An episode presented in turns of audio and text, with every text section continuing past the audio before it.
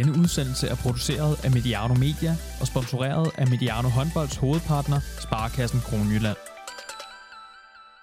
Et langvarigt misbrug af den edle sport håndbold gav mig prisen som årets leder 2012 og job i CSM Bukaresti, Montenegro og Rostov-Don. Sådan beskriver dagens gæst sig selv på Twitter. Der har han i øvrigt et profilbillede, som er Patti Smith fra hendes debut Horses. Det skal vi tale om i dag. Men alene af den øh, grund, øh, så er der masser af årsager til at tale med dagens gæst. Per Johansson, velkommen til Mediano håndbold. Uh, stort tack. Känns som en ära att få vara med i, i din podd. Så att, uh, väldigt uh, ser fram emot det. Og vi talte lige før vi gik på om, det fortæller lidt om håndbolden, at man øh, på tværs af landegrænser og, og sådan kan øh, i en pot som, øh, som Mediano, at vi kan tale med en af de store trænere i international håndbold. Tak fordi du vil være med. Du er hjemme og nyde et par fridage. Ja, um vi har ju väldigt mycket landslagsspelare och de är borta två veckor nu så att jag åkte hem en vecka så att det blir sista svängen för den här säsongen. Men det var, det var skönt att komma hem till, till familj några dagar så, så att det passar bra. Og til dagligt skal vi tale om, der er du jo øh, træner i Rostov-Don i, øh, i, i, i Rusland, og vi skal høre en hel del om din, øh, vil jeg næsten sige, sp- spektakulære trænerkarriere. Øh, men for nylig, der talte jeg her på potten med Schweiz's landstræner, danske Martin Albertsen, øh, og han, ja, han bad mig hilse, Øhm, og så, så spurgte jeg også, om der var noget, jeg skulle spørge dig om, og så han ville simpelthen bare gerne høre, hvordan du egentlig trives i en by som Rostov. Ja, alltså, jag, jag trivs jättebra. Uh, det är ju det är ju Ryssland på riktigt så att säga. Det är ju en, en bit in i Ryssland och det, är, det är en stor stad. Eh, det är en väldigt, ganska grå stad men eh, det finns allt för ett gott leverne. Eh, bra restauranger, bra livsmedel, shoppingcenter om du vill ha det. Så att rent så att säga, att leva där är, trivs jag jättebra med.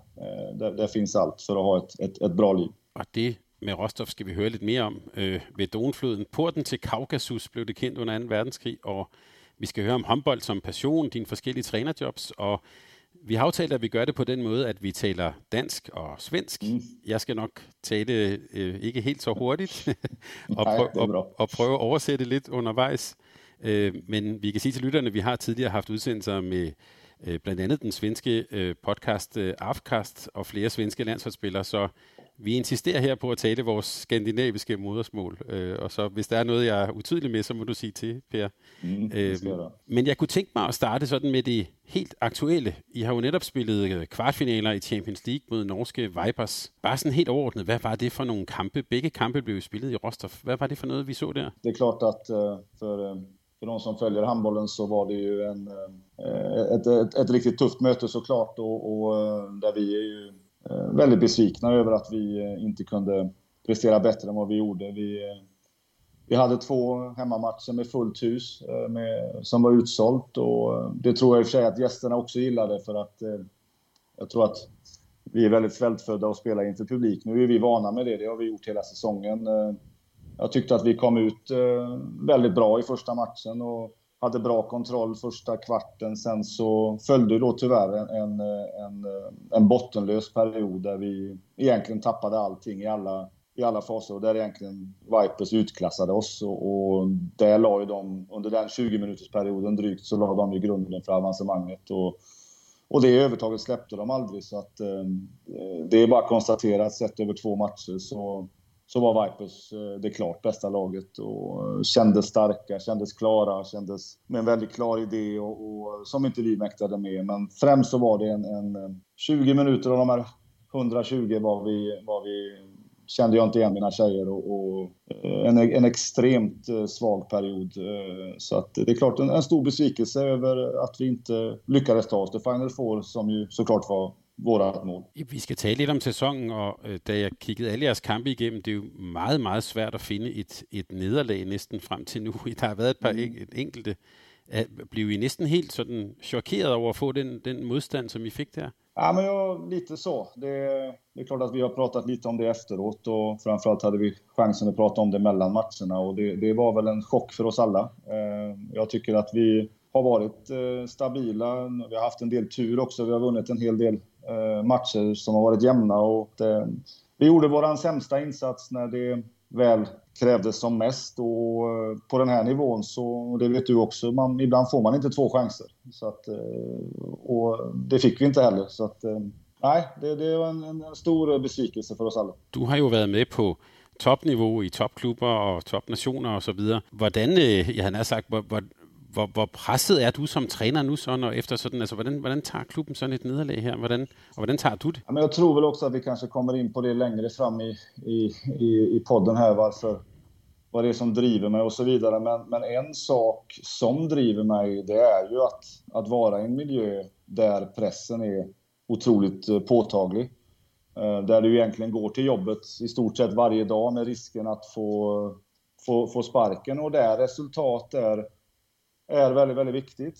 Eh, så just den delen är ju inget som berör mig. Jag, där har jag väl blivit lite mer cynisk med åren också, efter att ha varit både i Montenegro och Rumänien. Och man vet om att eh, sker det en sån här svag insats så finns alltid risken för att eh, man, man ligger illa till. Men jag, jag, jag försöker inte att tänka på det. Jag, jag sover gott på nätterna och jag Eh, ser fram emot att vi nu ska ta revansch i det ryska slutspelet eh, och så vidare. Så att eh, jag har lärt mig att leva med det kan man väl säga. Men sen har jag väl också ett, ett pannben som, som gör att jag klarar av den pressen och jag njuter också av den.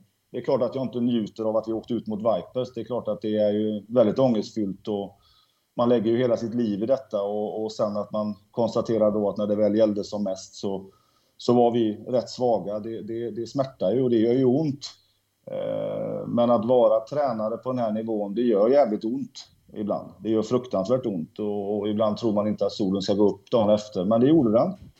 Och sen så hittar man ett sätt att ta sig vidare och, och, och mobilisera för nästa nästa stora uppgift. Så att det, det, är väl en, det är väl något som saknas i en, eller man är väl skadad på något sätt. Men, men eh, det är mycket som ligger i potten. Det, det att, att, få uppleva de här möjligheterna till att vinna Champions League eller, eller gå långt i ett mästerskap som i Montenegro. Det, det, det finns ju en nedsida på det också och den, den nedsidan är jag ju i just nu, eh, såklart. Så är det. Og hvor meget betyder det, at den store stjerne, Anna Vaki, hvad du var inde på det, at hun ikke har været med her? Hvor, stor betydning har det for dit hold? Det är klart att vi har ju haft en säsong där vi eh, har spelat väldigt mycket utan henne och många andra.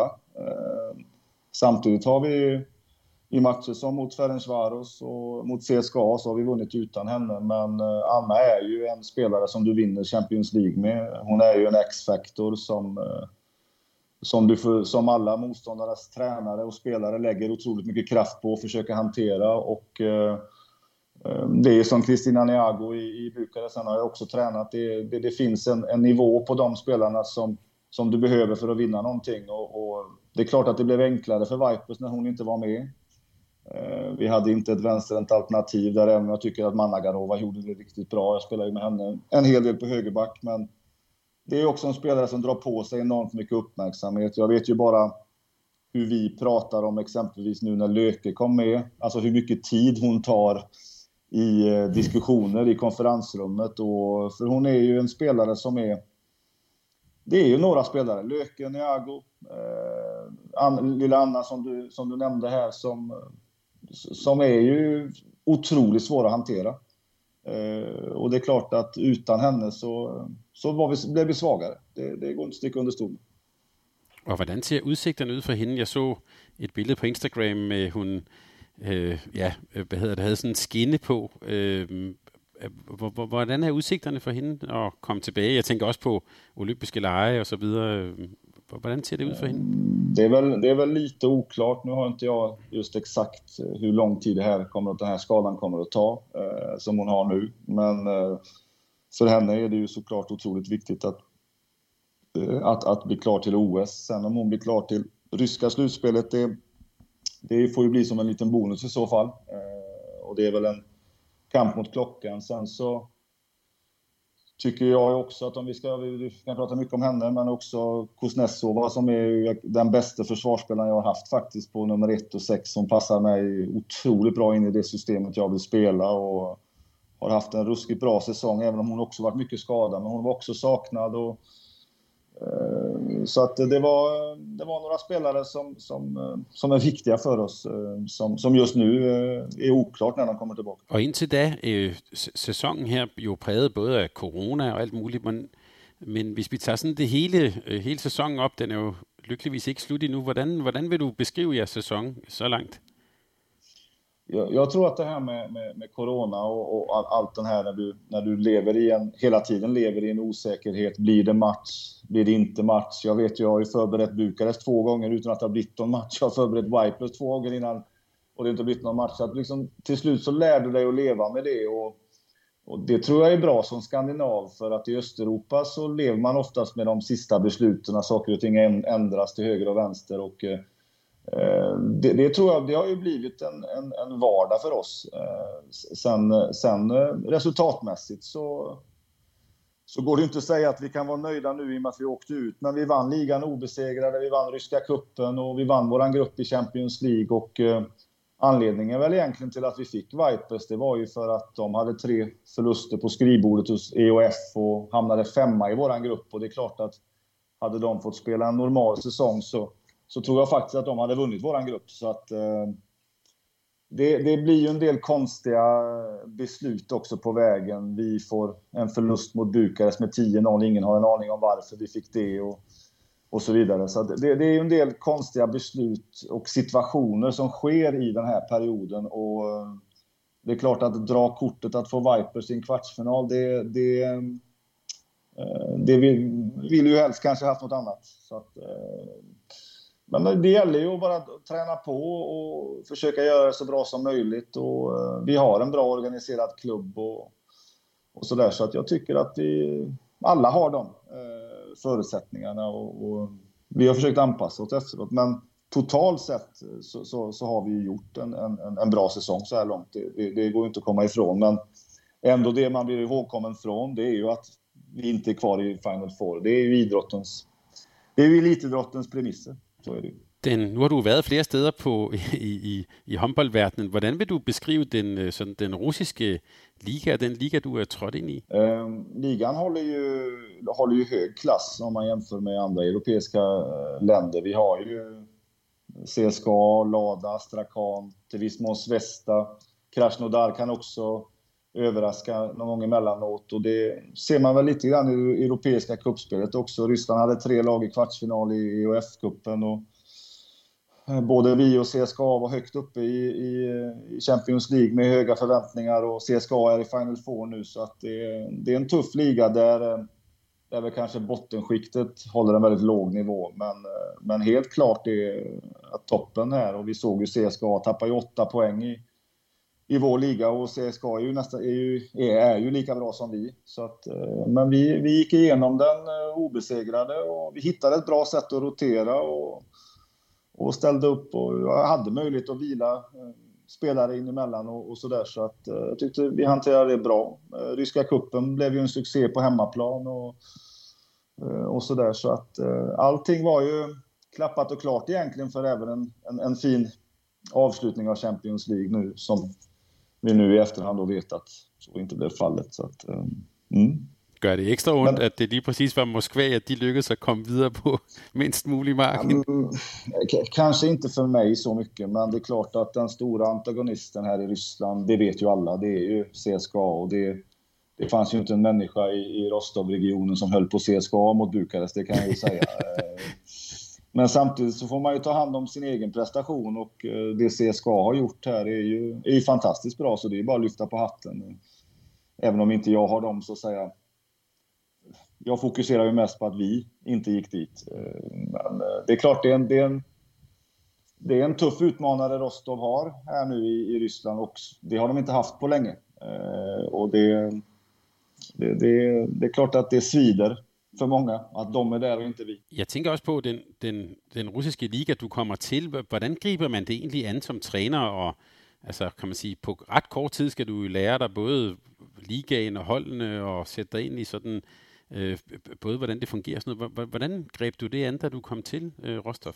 Jag tror att man är, det där är man van med som tränare och det, det är ens jobb. Och egentligen inte så mycket svårare än om du ska ha ett svenskt lag eller ett danskt lag och komma till en ny liga. Det, det finns också väldigt mycket ackumulerat som du har, liksom utan att veta så kan du saker bara för att du har ett stort handbollsintresse. Sen så har jag ju en väldigt duktig assistent som heter Thomas som också nu är assistent i ryska landslaget som eh, pratar flytande ryska, kan det ryska systemet efter tre år, kan hjälpa mig med att värdera lite grann motståndarnas kvaliteter och så vidare. När behöver vi ha taktik? När behöver vi inte ha taktik? När kan vi ställa över? Så att han har ju varit en, en jättestor hjälp för mig. Och, och också beskriva miljöer. Hur ser det ut när vi kommer till Sibirien och spelar? Hur, hur kan vi träna där? Han har varit där innan. Och hur ser hotellerna ut och så vidare. Så att du är ju beroende av människor som har upplevt det och därför är det ju eh, är det ju väldigt skönt att ha en assistent som Thomas som, som eh, dels är väldigt duktig på handboll och eh, en, en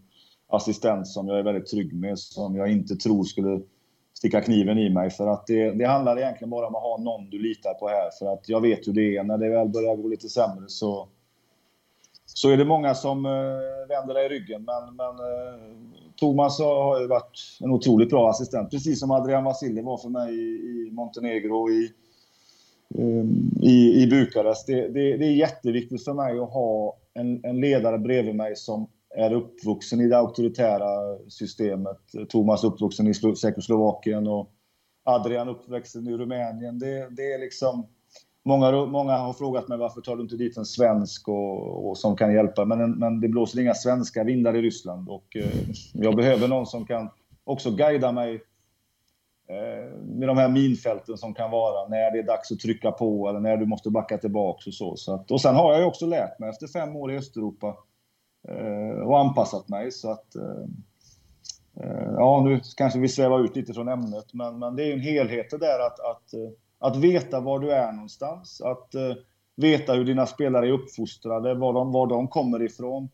Det handlar inte ett skit egentligen om hur jag är uppfostrad i, i ett svenskt land som, ja, med alla de förutsättningarna. Utan det gäller att veta vem, vilket, vilka individer har jag, hur ska jag hantera dem det är väl det som kanske är någon form av hemlighet till att jag ändå har överlevt ganska många år i Östeuropa nu. Vad kan man säga, har du utvecklat en lite mer sådan auktoritär ledarstil? Øh, eller du sa du hade sådan anpassat dig, tillpassat dig undervejs. Hvordan har din ledarstil ändrat sig?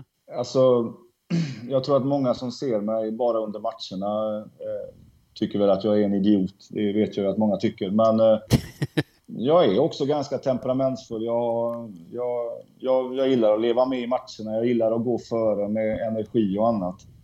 Sen så, sen så gäller det ju att veta när du ska vara auktoritär. Det, det finns ju vissa situationer där allt och alla förväntar sig att ledaren ska kliva in med hela handen och då måste jag göra det. För att om jag inte gör det så, så blir min grupp osäkra. Då undrar de varför jag inte gör det. Och det handlar ju om att ha, som alltid, situationsanpassat ledarskap. Här i Östeuropa så förväntas ledaren bestämma allt. Eh, spelarna är generellt sett inte vana med att vi kan diskutera om saker och ting. Det försöker jag ju smyga in eh, långsamt i nya grupper, men jag kan aldrig komma till en östeuropeisk klubb och börja med gruppsamtal. Liksom. Det, det, det, funkar inte så här. Men, men, men, men vad jag har försökt lära mig, det är ju att jag har ju haft tränat de allra bästa på damsidan kan man säga. Och där finns ju också en enorm rutin och erfarenhet och den vill jag ta del av. Sen är det en, är det en kamp för att eh, spelarna är inte vana med att ledaren frågar vad tycker du? Eller, eller vad har du för erfarenhet av det här? Och där är det en balans att inte pressa dem för mycket utan att, att hitta de här stunderna där man kan få ta del av deras erfarenhet.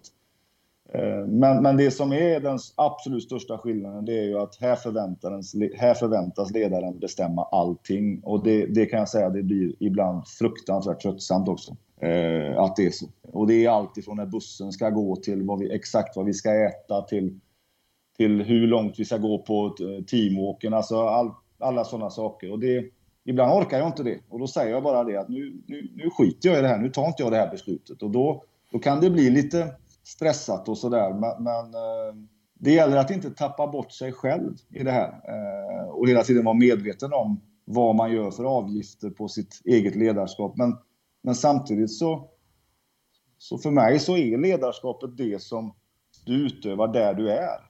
Eh, och, och, och, då måste du anpassa dig. Annars, annars är, är det omöjligt. Och jag tror att jag har hittat en ganska bra balans där. Nu, nu sagde du, at folk opfattede dig som en idiot, når I spiller. Det vil jeg sige, det, det er ikke min opfattelse, vil jeg så bare sige.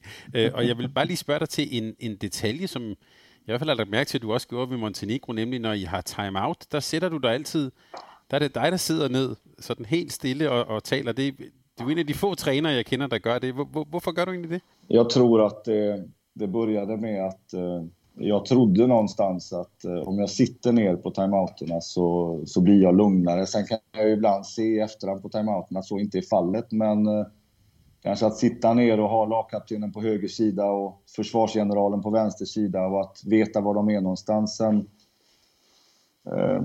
Sen var det lite skillnad i, i, i Montenegro, så var det ju, det var ju som att leva i ett ständigt fyrverkeri om du förstår vad jag menar. Liksom där, där alla känslor är påkopplade och där allting kommer från magen och hjärtat hela tiden. Och där var det ju otroligt lätt att, så att säga, dras med i den här raketen upp och också vara lika explosiv och och där är det skillnad i Ryssland. Där är det lite mer sammanbitet, lite mer bistert, lite mer frostigt. Man visar inte så mycket känslor. Och så även om man är i Östeuropa så, så, så är det mycket som skiljer från Montenegro, Rumänien och Ryssland. Och, men just, just att jag började sitta ner, det var för att jag själv kände mig lugnare mm. i timeouterna. Även om det kanske inte alltid syns ut i tv-rutan så, så var det tanken.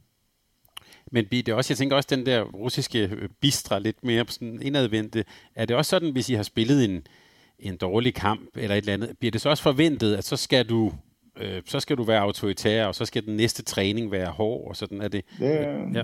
det, det, det förväntar sig att det ska vara så. Och jag är, jag är som ledare väldigt öppen och ärlig och, eh, och är väldigt tydlig. Eh, men den vägen som jag inte kommer att gå, det är att straffa dem.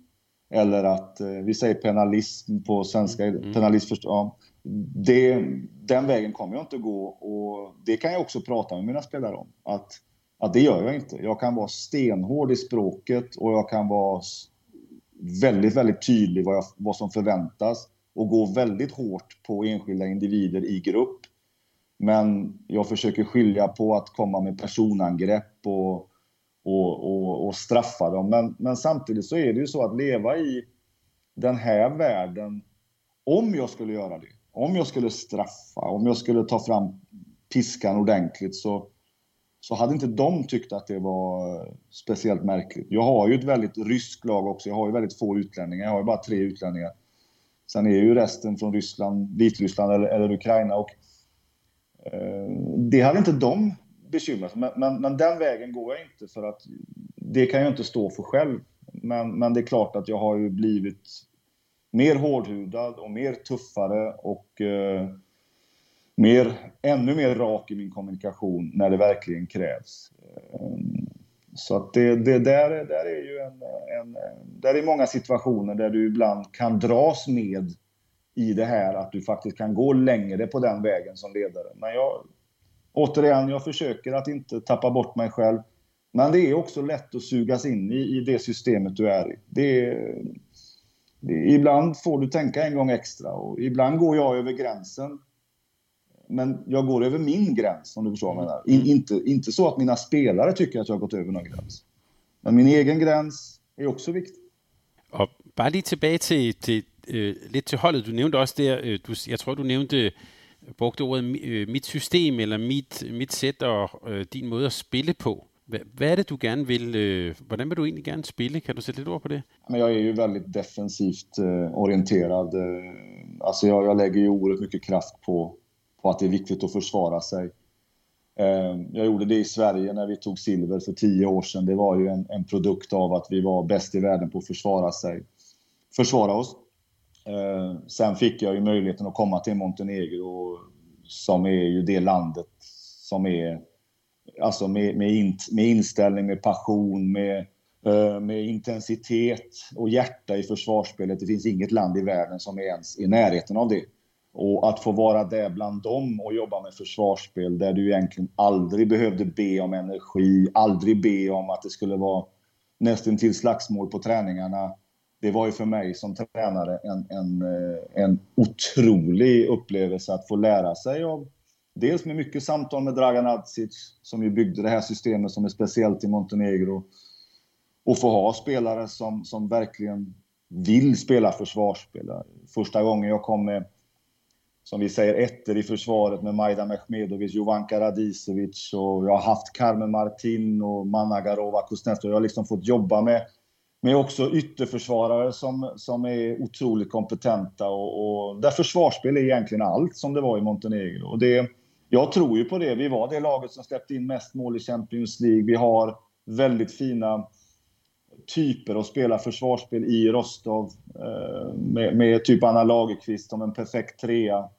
Jobbade otroligt mycket med Anna Vikrajeva i en perfekt roll för henne. Och, och har också lite större spelare i Bob, Bob och Sen så att, och Makeva. Så att liksom, jag, jag älskar ju försvarsspel. Eh, och det kunde man ju inte se i första matchen mot Vipers där det såg ut som vi alla hade tränat försvarsspel. Det såg ut som vi kom från, från stranden och skulle spela. Men, men i grund och botten tror jag ju att det är det du når framgång på.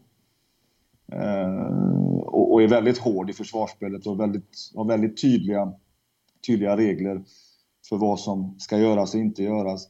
Sen, sen eh, i, i Montenegro var vi ju mer begränsade hur vi kunde spela anfallsspel med, med, med, med, med, med, med begränsad urval av spelare.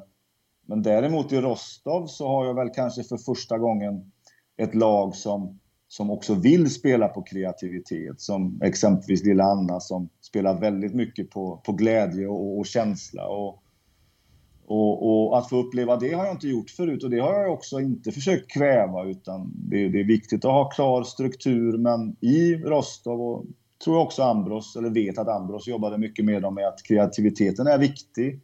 Det är viktigt att ha den delen också med. Återigen att hitta en balans bland det här, kanske det här skandinaviskt strukturella som vi exempelvis såg på Vipers firade framgångar, men också att släppa loss kreativiteten. Så att anfallsspelet är ju mer eh, anpassningsbart tycker jag till den gruppen du har, men eh, försvarsspelet finns det vissa saker som jag aldrig kompromissar med. Og er du øh, forsvarsmæssigt, er du, er du sådan en, der tænker i formationer, systemer, eller tager du også mere udgangspunkt i, hvem er det, jeg har inde på banen? Eh, såklart jätteviktigt vilka man har, men min grundfilosofi är ju det klassiska svenska 6-0-försvaret. Mm. Sen, sen tog jag ju otroligt mycket influenser av Norge när de var som bäst, Frankrike på hur du kan eh, jag menar, klara dig en mot en. Eh, Balkan är ju en... Är ju en alltså jag har ju tagit in influenser och, och, och, det stora breaket för mig var ju egentligen att se hur de gjorde i Montenegro. Också 6-0 fast med helt andra parametrar och helt andra saker som är viktigt. Så att eh, det byggs ju från en, ett kollektivt 6-0 där vi, där, vi, där vi gör saker och ting tillsammans. Och att göra saker tillsammans är lättare i Sverige, var också lättare i Montenegro, de var uppfostrade till det. Men både i Rumänien och, och Ryssland så är det mer individuellt att man ska klara sig själv och skydda sig själv och så vidare. Men, eh, men just den här tunga kollektiva idén eh, i försvarsspelet är, ju, är väl mitt signum, hoppas jag. Og hvis vi lige bare lige kigger et, et øjeblik frem mod næste år, der øh, er det jo blevet offentliggjort, at Amorin og Edvige fra, fra Gjør kommer til, til Rostov. Hvad, hvad er det for to spillere, du får der? Jag tror framförallt, eh, inte framförallt, men på Amorim så får man ju också en ledargestalt. Alltså en, en, en stark röst. Lite kanske som Linnea Torstensson har varit för mig i, i de, när jag har haft henne. Och en väldigt stark karaktär. Det, det tror jag är viktigt för Rostov. Sen såklart med alla hennes eh, erfarenheter både i försvar och anfall ehm, och, och sen eh, är ju också en, en, eh, henne känner jag inte så jätteväl, men, men eh, också en, en, en försvarsorienterad spelare. Så, så det är klart att um, försvarsspelet och, och, och, variationerna i försvarsspelet kan ju, kan ju bli ännu större nästa år, nästa säsong. Jag kunne også lige tænke mig at spørge dig på, det, nu, nu taler vi jo om, hvordan du gerne vil spille og sådan, øh, men når man kommer som dig ind øh, med relativt, man kan sige, kort varsel og ind, ind, ind, ind i sådan en stor klub her, det er jo ikke fordi, du har meget tid til, at, og, og, og I skal ud og spille kampe, I skal ud og præstere og, og sådan. Hvordan griber man det an? Altså, du, det er jo ikke sådan, at du lige kan ligge i træningslejr eller øve dig på en hel masse ting. Du skal jo ud og vinde kampe med det samme. Hvordan gør man det? Jag tror att man får vara väldigt förberedd när man kommer och, och också ha en väldigt, väldigt tydlig idé. Eh, sen handlar det ju om att sälja in en idé. Det gäller ju att eh, till viss del ja, du ska göra som tränaren säger, men det handlar också om att, att, att sälja in en idé att vi gör det här på grund av det här. Och då är det ju viktigt att du får i en sån här miljö ganska snabba resultat och att du också kan påvisa på att okej, okay, när vi gör som vi har bestämt, då får vi ett bra resultat och då gäller det att få de eh, så att säga, situationerna i matcherna som du kan visa. Sen är ju vi i en miljö i Ryssland där vi reser extremt mycket vi bor ju inte i Europa kan man ju säga. Vi har ju långt till Europa och spela matcher. Vi har väldigt långa matcher i den ryska ligan och det är eh, lång väg till matcherna. Eh, och det gör ju att det går ju ut över träningarna. Vi kan ju ha bortamatcher i Ryssland som tar tre fyra dagar. Och eh, där du reser eh, jättemycket och, och där, du, där, där, där, träningen, men träningen blir väldigt i, i, i, åsidosatt. Och eh, då handlar det väl om att vara effektiv och jag tror att jag lär, har lärt mig mycket genom att vara landslagstränare. För att som landslagstränare har du ingen tid alls egentligen. Eh, och där måste du vara extremt noggrann med vad du fyller din tid med. I ett klubblag är det ju såklart helt annorlunda, men där konkurrerar du också med andra, alla andra klubbar som har ungefär lika mycket tid. Och, och eh, jag tror att det är viktigt att du, du använder den tiden du har på ett, på ett oerhört sätt. Och det, det tror jag har, det vet jag, eller det känner jag själv att jag har en erfarenhet från eh, väldigt många år som, som lands, eh, landslagstränare. Ja, för när man kikar på lite på din øh, øh karriere, så, så, og det skal vi tale om om lidt, Per, men Sverige og Uddevalla og kropskultur og hele det skandinaviske, og du har jo også været omkring det, øh, det svenske landshold, det skal vi også lige nævne, men øh, komme omkring. Men så kommer der pludselig de her tre, vil jeg sige, store steder i Østeuropa. Bukaresti, Montenegro og Stofdon. Jeg får lyst til at spørge, hvorfor passer en mand fra Uddevalla sådan til Østeuropa? Jag tror att vi får gå tillbaka väldigt långt i tiden. Alltså, mitt tränarintresse började ju egentligen när jag var väldigt ung. När jag var 1986, då var jag 16 år. Så såg jag den här Metula Plastica-generationen första gången i, i World Cup i Göteborg. Och eh, alltså jag blev helt frälst. Du vet, Isakovic, Vujovic, Portner, Smalagic, Vukovic, Svetkovic, Sarasevic, Barcic. alltså alla de här. Och det var något helt annat för mig. Och, och, och redan då så väntade jag väl bara till jag skulle bli tillräckligt torr bakom öronen och bli tränare. Och det blev jag när jag var 22 år. Eh, den yngste tränaren någonsin i svensk elithandboll. Eh, och sen dess har jag varit mycket i Jugoslavien, eh, besökt handbollsskolan i Pula i Istrien och jag har följt Balkanlagarna mer noggrant än de svenska lagarna. Och min dröm har aldrig varit Tyskland eller Frankrike eller Danmark och Norge. Min dröm har alltid sedan jag var liten, det var att, eh, har varit att, att bli tränare i Östeuropa. Och, och, jag kan väl ibland fundera på, på, varför det, på varför det är så, men, men eh, det som jag har alltså, fullständigt liksom älskat och älskar, det är ju passionen, det är kraven, det är pressen, det är att idrotten är otroligt mycket viktigare, så som jag uppfattade i de länderna, än kanske våra mer då om man får säga, mer skyddade Sverige, Danmark, Norge-länder. Och det har triggat mig och det... Jag har älskat det och, och, du kan ju förstå med den här bakgrunden att när jag fick erbjudandet från Montenegro så var ju det, det var ju en, den, den största drömmen jag kunde få för att väldigt få svenskar och skandinaver har verkat där nere. Väldigt få har varit förbundskaptener och få vara där i tre år och och dels missionera sin egen handboll men också att få, få lära sig så otroligt mycket om handbollen. Men också hur man kan göra på andra sätt, hur de tänker, vad som är viktigt för dem. Och om vi pratar om att det är viktigt att stå upp för, för svenska flaggan eller sådär, så pratar ju de hela vägen ner till att få mat på bordet för nästa generation, att vi skyddar våra familjer och att bara få vara en del av det. Eh, har ju berikat mitt ledarskap. Jag har ju hamnat i situationer i mitt ledarskap som, eh, som man inte får under en livstid om man bara verkar i våra delar av Europa. Och fått möta oligarker och försvarsministrar och eh, miljardärer och, och där idrotten bedrivs egentligen på ett, på ett helt eh, annorlunda sätt än, än hur man själv är uppfostrad. Där har du väl min, min, min kärlek och ibland även hat till att vara där faktiskt. Eh, så är det. Jeg kan sige, at øh, vores lytter her vil vide, at i det øjeblik, du siger metalloplastika, så ved alle, at jeg begynder at, at smile. Jeg har, ja, dem, dem taler jeg tit om, også på potten her, og, og, og, og Jugoslavien, det er omkring, øh, øh, om, omkring 86. Jeg kan også sige her, at øh, for mig er Øh, hvis vi skal tage de flotteste klubnavne, så er Metalloplastica måske nummer et, men jeg vil så faktisk sige, at kropskultur måske er i, er i top tre. Det er også et, et fantastisk, øh, et fantastisk klub, øh, klubnavn. Mm. Men nu siger du sådan et, et man kan sige, et had-kærlighedsforhold. Jeg, jeg tænker også sådan, i hvert fald for os danskere, når vi tænker på Sverige, så tænker vi jo rigtig meget, som du har været inde på, på øh, strukturer, og, og at man er, øh, øh, man kan sige, at, at passionen er måske, man er afdæmpet, og mange her vil selvfølgelig også have et billede af sådan Bengt Johansson og, og sådan et, et, og, og, og så har du på den anden side den der sådan passion og temperament. Er det, mm. Men det ligger bedre til dig, det der med ja, den store passion i virkeligheden. Alltså det vi i Sverige har ett överflöd av, det är människor som är beredda att jobba och göra allt för laget. Eh, det vi kämpade för för tio år sedan med det svenska damlandslaget, det var faktiskt att våga sticka ut, att våga vara lite mer ego att vara lite mer primadonna, att våga titta på sig själv, att jag är bra. Det, det, det är styrkan i svensk handboll och det är bristen.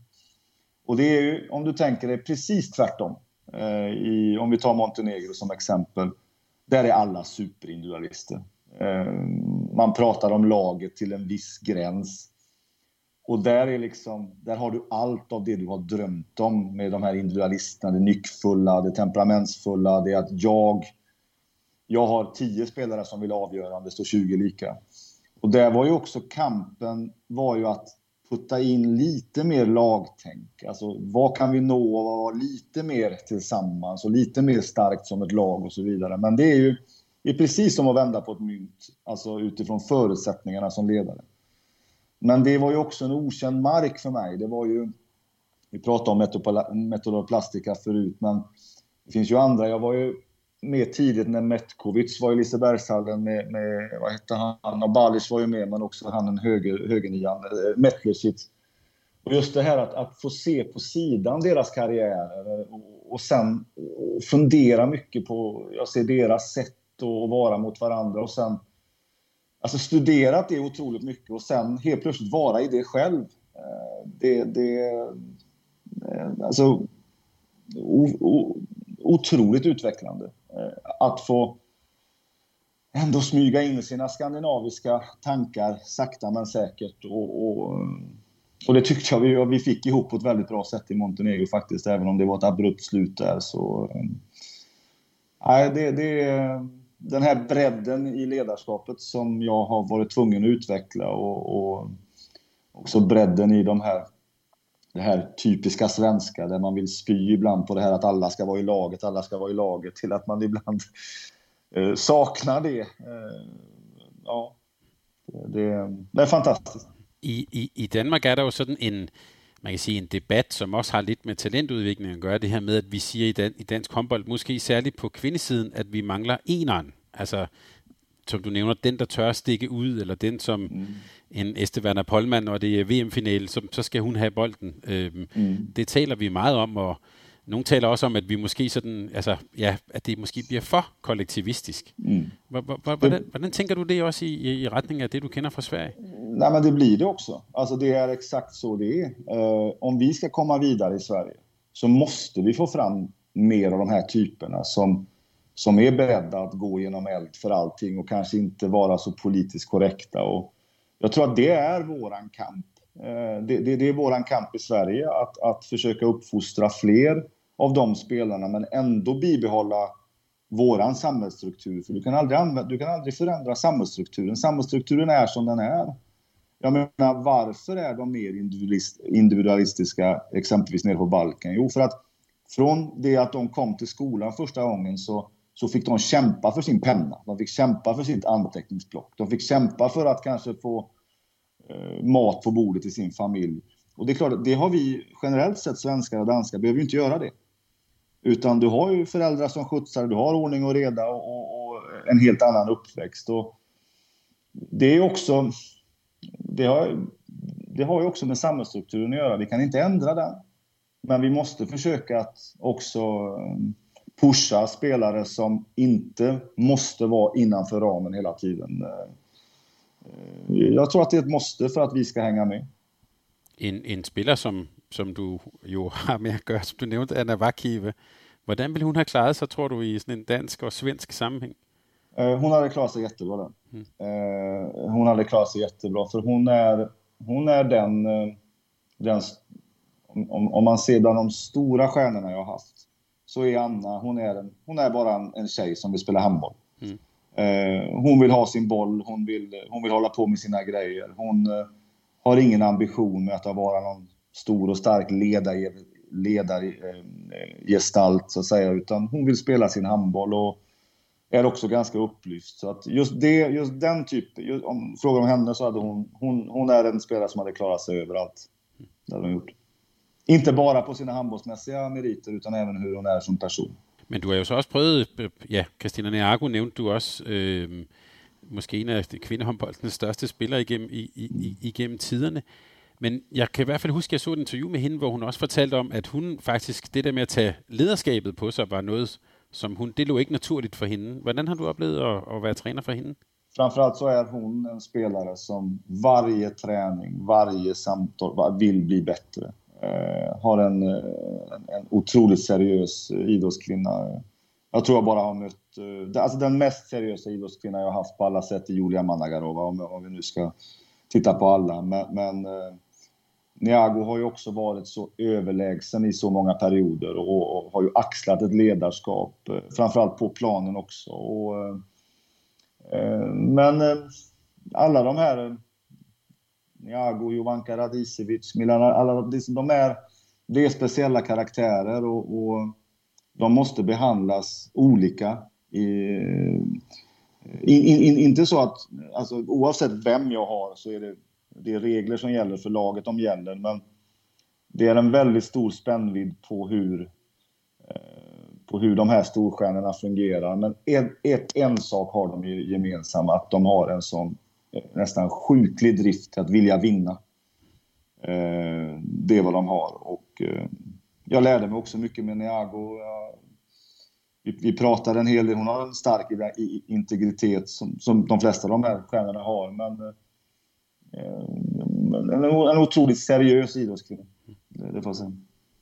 Jeg får lige lyst til at spørge dig nu. Jeg vil lige spørge lidt til din, du, du var nævnte du i starten lidt din motivation og hvad der driver dig. Øh, og så har du også nævnt, at folk ser dig som en idiot. Er du i sådan en, øh, en nordisk sammenhæng, er du, er du sådan lidt usvensk på den måde, altså med, med temperamentet og sådan noget? Øh, eller, eller hvordan vil du beskriva dig selv? Ja, men, det, det är ju inte det att jag går runt och är arg jämt och skriker jämt och är röd i ansiktet. Utan det var det jag menade, att om man bara ser mig kanske just i det momentet på på planen så, så kan man ju undra vem jag är. Eh, men de som känner mig vet man ju att jag är ganska lugn vid sidan av. Och jag, jag bryr mig väldigt mycket om alla och, och, det är viktigt att alla får vara med och jag tar också ansvar för de yngre spelarna som kanske inte är, är färdiga för att spela Champions League-handboll förrän om tre år eller inte alls. Att, eh, men, när, men när det väl kommer in till, till träning och match då är det viktigt med ordning och reda och då är det viktigt att vi gör som vi har bestämt. Och, Eh, jag gör ingen skillnad på storstjärnor eh, kontra, kontra de som inte har kommit så långt. Det är bara att storstjärnans eh, största fördel är att hon får mer minuter på banan. Men jag tror att jag också vinner på att visa att jag behandlar alla olika.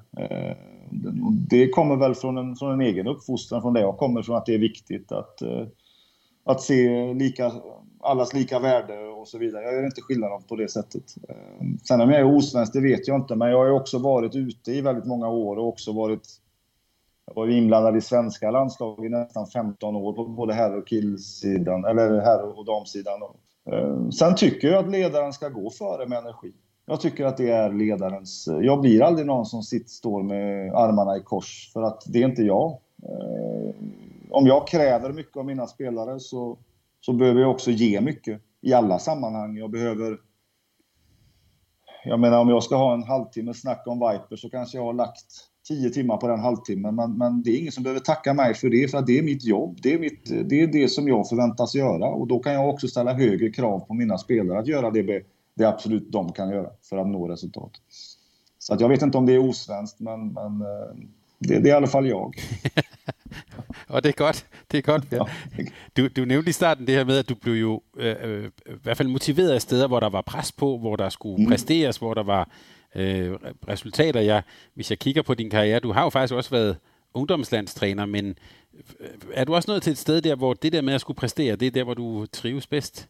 Jag har väl egentligen aldrig tänkt så mycket på min karriär. Alltså jag började med, med ett ungdomslag för över 30 år sedan och sen så har jag alltid varit. Jag har lagt allting eh, för att och, och, och, träna mina lag och mina individer. Och sen när man var ung så kunde man ingenting, men man kom ändå en bit på vägen bara för att man hade energi. Det var kanske så det började, att man, man i alla fall hade energi. Eh, sen det är klart, när man får smak på det här med... Jag har två brons i Champions League. Det är klart, man får man smak på det vill man vinna. Jag har ett VM-guld på U21 för herrar och och varit i en final där och vi tog svenska damlandslaget till silver. Det är klart, har man väl varit där så blir det ju som ett gift. Det är väl det som blir missbruket som du börjar med. Alltså du, du vill ha det. Du vill ha det igen.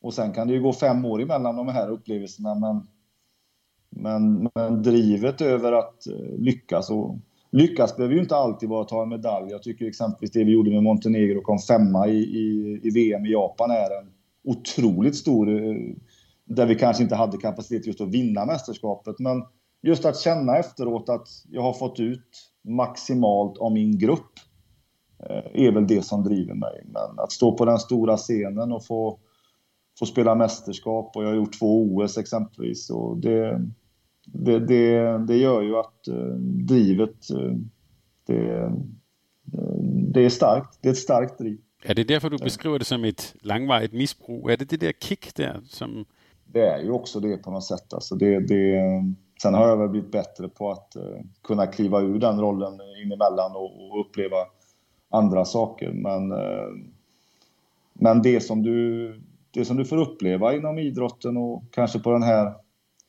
nivån som jag verkar på, det, jag vet inte var jag ska kunna få det tillfredsställt någon annanstans i mitt liv. Och sen blir det ju också en livsstil mer som ett jobb. Alltså har man gjort det här i så många år så så är det ju en... Eh, det blir som en livsstil. Och det, det kan väl skämtsamt kallas som ett missbruk, men eh, det var ju som Charles Bukowski sa en gång, eh, poeten och skrivaren, att hitta någonting som du tycker om och låter döda dig, ungefär så liksom. Det, det är väl så. Vi hoppas inte du fäller om på banen. Det nej, nej, men det är mer rätt. Nå, jeg vil, øh, her til sidst, Per, så vil jeg øh, lige komme med en anbefaling til vores lyttere her. Det er, at øh, at følge dig på sociale medier, det er, øh, vil jeg godt lige rose dig for, det, det er godt. Og her for nylig øh, har, har jeg jo kunne se, at du har, øh, nu nævnte du lige Charles Bukowski, men du har her for nylig besøgt Anton øh, Tjekhovs fødested, det ligger ikke så langt fra, fra Rostov. Nej. Øh, og jeg lader også mærke til, at for nylig var I i Ufa, det er inde i Sibirien et sted, øh, mm. og der besøgte du og holdet mindesmærket for Salavat Yulayev, jeg vidste ikke, hvem det var, men det måtte jeg slå op. Leder af et bondeoprør i, i 1775 øhm, i Sibirien. Øhm, hvorfor er det vigtigt for dig, den der sådan, øhm, det handler jo ikke om håndbold, øh, den, den, den type ting. Hvorfor, hvorfor er det vigtigt for dig også at få det med, når du for eksempel er i Rusland? Alltså, jag är i Ryssland för att, eh, för att träna ett lag och göra resultat. Men, men jag vill också om jag är i Ryssland så, så vill jag uppleva så mycket som möjligt av Ryssland. Och eh, det får jag göra med att vi, vi reser mycket eh, och eh, där är, försöker ta med sig, det, det, är klart att när vi åkte till Motherland Calls i Stalingrad, den här jättestatyn och jag väckte mina tjejer halv nio och alla fick åka buss i och det var dimmigt och det var minusgrader så, så tycker jag också att det är viktigt att man man förkovrar sig utanför den här lilla, lilla världen vi håller på med med handboll som är ju en, någon form av parallellt universum liksom, det vi lever, vi, vi, vi äter, sover, tränar, åker buss, åker flyg, spelar match och så är det som måndag hela, måndag hela veckan. Och jag tror att det är viktigt för mig själv att få näring till det. Det är att, det är att uppleva saker utanför, att lära sig om landets eh, kultur, historia är viktigt för mig. Jag läser om, eh, eh, om eh, ryska revolutionen för jag vill lära mig. Jag lever i ett väldigt stängt land, men med en otroligt bombastisk historia. Och för mig är det viktigt att, att få med mig mer från, från landet än att bara vara tränare. Det var som i Rumänien också, att åka upp till Karpaterna och till Draculas land där och så vidare, Montenegro med, med sina så säga, historik. Och det, det, är bara det är viktigt för mig. Det, för, att, eh, för att överleva så, eh, så måste jag ha annan näring. Eh, annars så, så, så, fastnar man i det här lilla bubblan. Och det, det, det, det är bara viktigt på något sätt. Att, att, det är viktigt för allmänbildningen också, tycker jag. Hvordan tager spillerne så imod, når ham, den tossede svenske træner vil have dem op? For de gør jo, som træneren siger, og, og nu skal vi ud ja. og se på, på statuer og sådan noget. Hvordan tager de imod det? Nej, men just den dagen i Volgograd, då skulle vi möta Volgograd väldigt tidigt på dagen. Eh, och, eh, nej, jag, jag ville dit och eh, då sa jag till busschauffören att vi åker klockan åtta. Och det var inte de bästa förutsättningarna, förberedelserna för den matchen. Det var väl ingen som kom ut där med ett leende på läpparna. Men det blev en bra grej. Mm. Vi åkte dit, eh, bland ryssar och en del, vi hade någon tjej från Volgograd och kunde berätta och det var något museum där. Och jag tror på att sånt är viktigt för också för gruppdynamiken, att man, att man försöker göra någonting utanför eh, handbollen. Mm. Eh, sen har jag gjort på många egna initiativ. Vi var ju nere vid, inte i Sochi, men där vid Adler, med, där Krasnoja Poliana, de här bergen där OS var och också få en weekend i de ryska alperna ger också energi eh, och så vidare. Och hemma hos Tjechov, det, Tjechov är en författare som jag har läst och, och vara där han kommer ifrån. Det, Kalashnikov är något annat, det är lite mer makabert, men Isevsk, det är ju Mr. Michail Kalashnikov. Det, det är väl för att bredda sitt intellekt lite också. Och så ska vi också lige nu vända Paddy Smith. Det är jag ju meget vild med. Varför har du henne som profilbild på Twitter? För att hon har alltid funnits med. Eh, sen jag var ung. Eh, den här beat-generationen där med Chelsea Hotel och allting och hur hon tog sig från en, en håla till New York. Och det är klart hennes musik, men också hennes böcker är väl det som jag vänder tillbaks till och hur hon är tålmodig som person och hur hon har levt och relationen med Robert Mckeltorf och så vidare. Den, hela den, jag gillar henne bara. Jag, hon har alltid funnits med och, och um, jag tycker hon är en fantastisk artist och um, någon som jag har varit vid min sida när det ibland så. Jag, jag gillar henne, samma sak där. Hon, hon ger mig ett lugn och hon ger mig också vissa tankar kring livet ibland på sättet hon skriver och, och vad hon gör och så. så det, det, är väl en, en husgudinna kan man väl säga, har varit i, i en väldans massa år vi kan også sige til lytterne, hvis man læser nogle af hendes bøger, så øhm, det, der, der kommer man også lidt ned i, man kan sige, i, i, øh, i, i tempo, hvis man er helt oppe, så øh, det är en mm. riktigt, riktigt god upplevelse. Och det, och det, är, det är också viktigt i, i den här världen där allting snurrar fortare och fortare eh, och i mitt jobb att, att det är en förutsättning tror jag att man hittar saker där man kan, faktiskt kan komma ner i varv. Eh, och det är jag ganska dålig på emellanåt men jag försöker i alla fall tänka på det att det är viktigt. Og så er hun meget glad for kaffe, det skal vi også huske. ja. ja, det er hun også. Per, bare lige til sidst her, hvor øh, sådan et lidt åbent spørgsmål. Hvor, hvordan, ser, hvordan ser fremtiden egentlig ud for, for Per Johansson? Uh, ja, det tas väl ett beslut här snart hur det blir så att säga framöver här i, i Rostov. Det är väl det första som ska tas. Och sen är jag ju ibland, så tänker man väl också att jag kanske skulle pröva mitt ledarskap i, i helt andra miljöer, i kanske näringsliv eller alla andra organisationer. Det finns ju väl alltid en ständig längtan att, och nyfikenhet att göra det. Sen vet jag inte om jag kan bryta mig ur handbollen. Jag vet inte, jag vet inte hur, hur min vardag och hur mitt liv skulle se ut då. Men, men det finns en längtan att faktiskt pröva annat. Det gör det och det, det är väl lite oklart. Så jag tycker det har varit, jag har jobbat mycket med landslag de senaste åren för att det har ju varit eh, familjärt har det varit enklare. Men det här med att jobba med klubblag är ju liksom det som är grejen. Att få den, de rutinerna som är kring det. Du tränar en, två gånger om dagen och du, du lever med ditt lag och så. Det, det, ja, det blir svårt att bryta sig loss. Men just nu är det väl lite oklart var det tar vägen allting. Och det är också det med det här kick och energin. det, jag tänker... Du ska hitta den också, ja. Det är ju det. Är ju det. Och var hittar man det? Det, det är också en, det är också en komplex fråga. Per Johansson, tusind tak, fordi du vil være med os her på, på, på Danske Mediano Håndbold. Det var en fornøjelse. Uh, jag tackar själv tack, kanske man säger. Tack så mycket själv.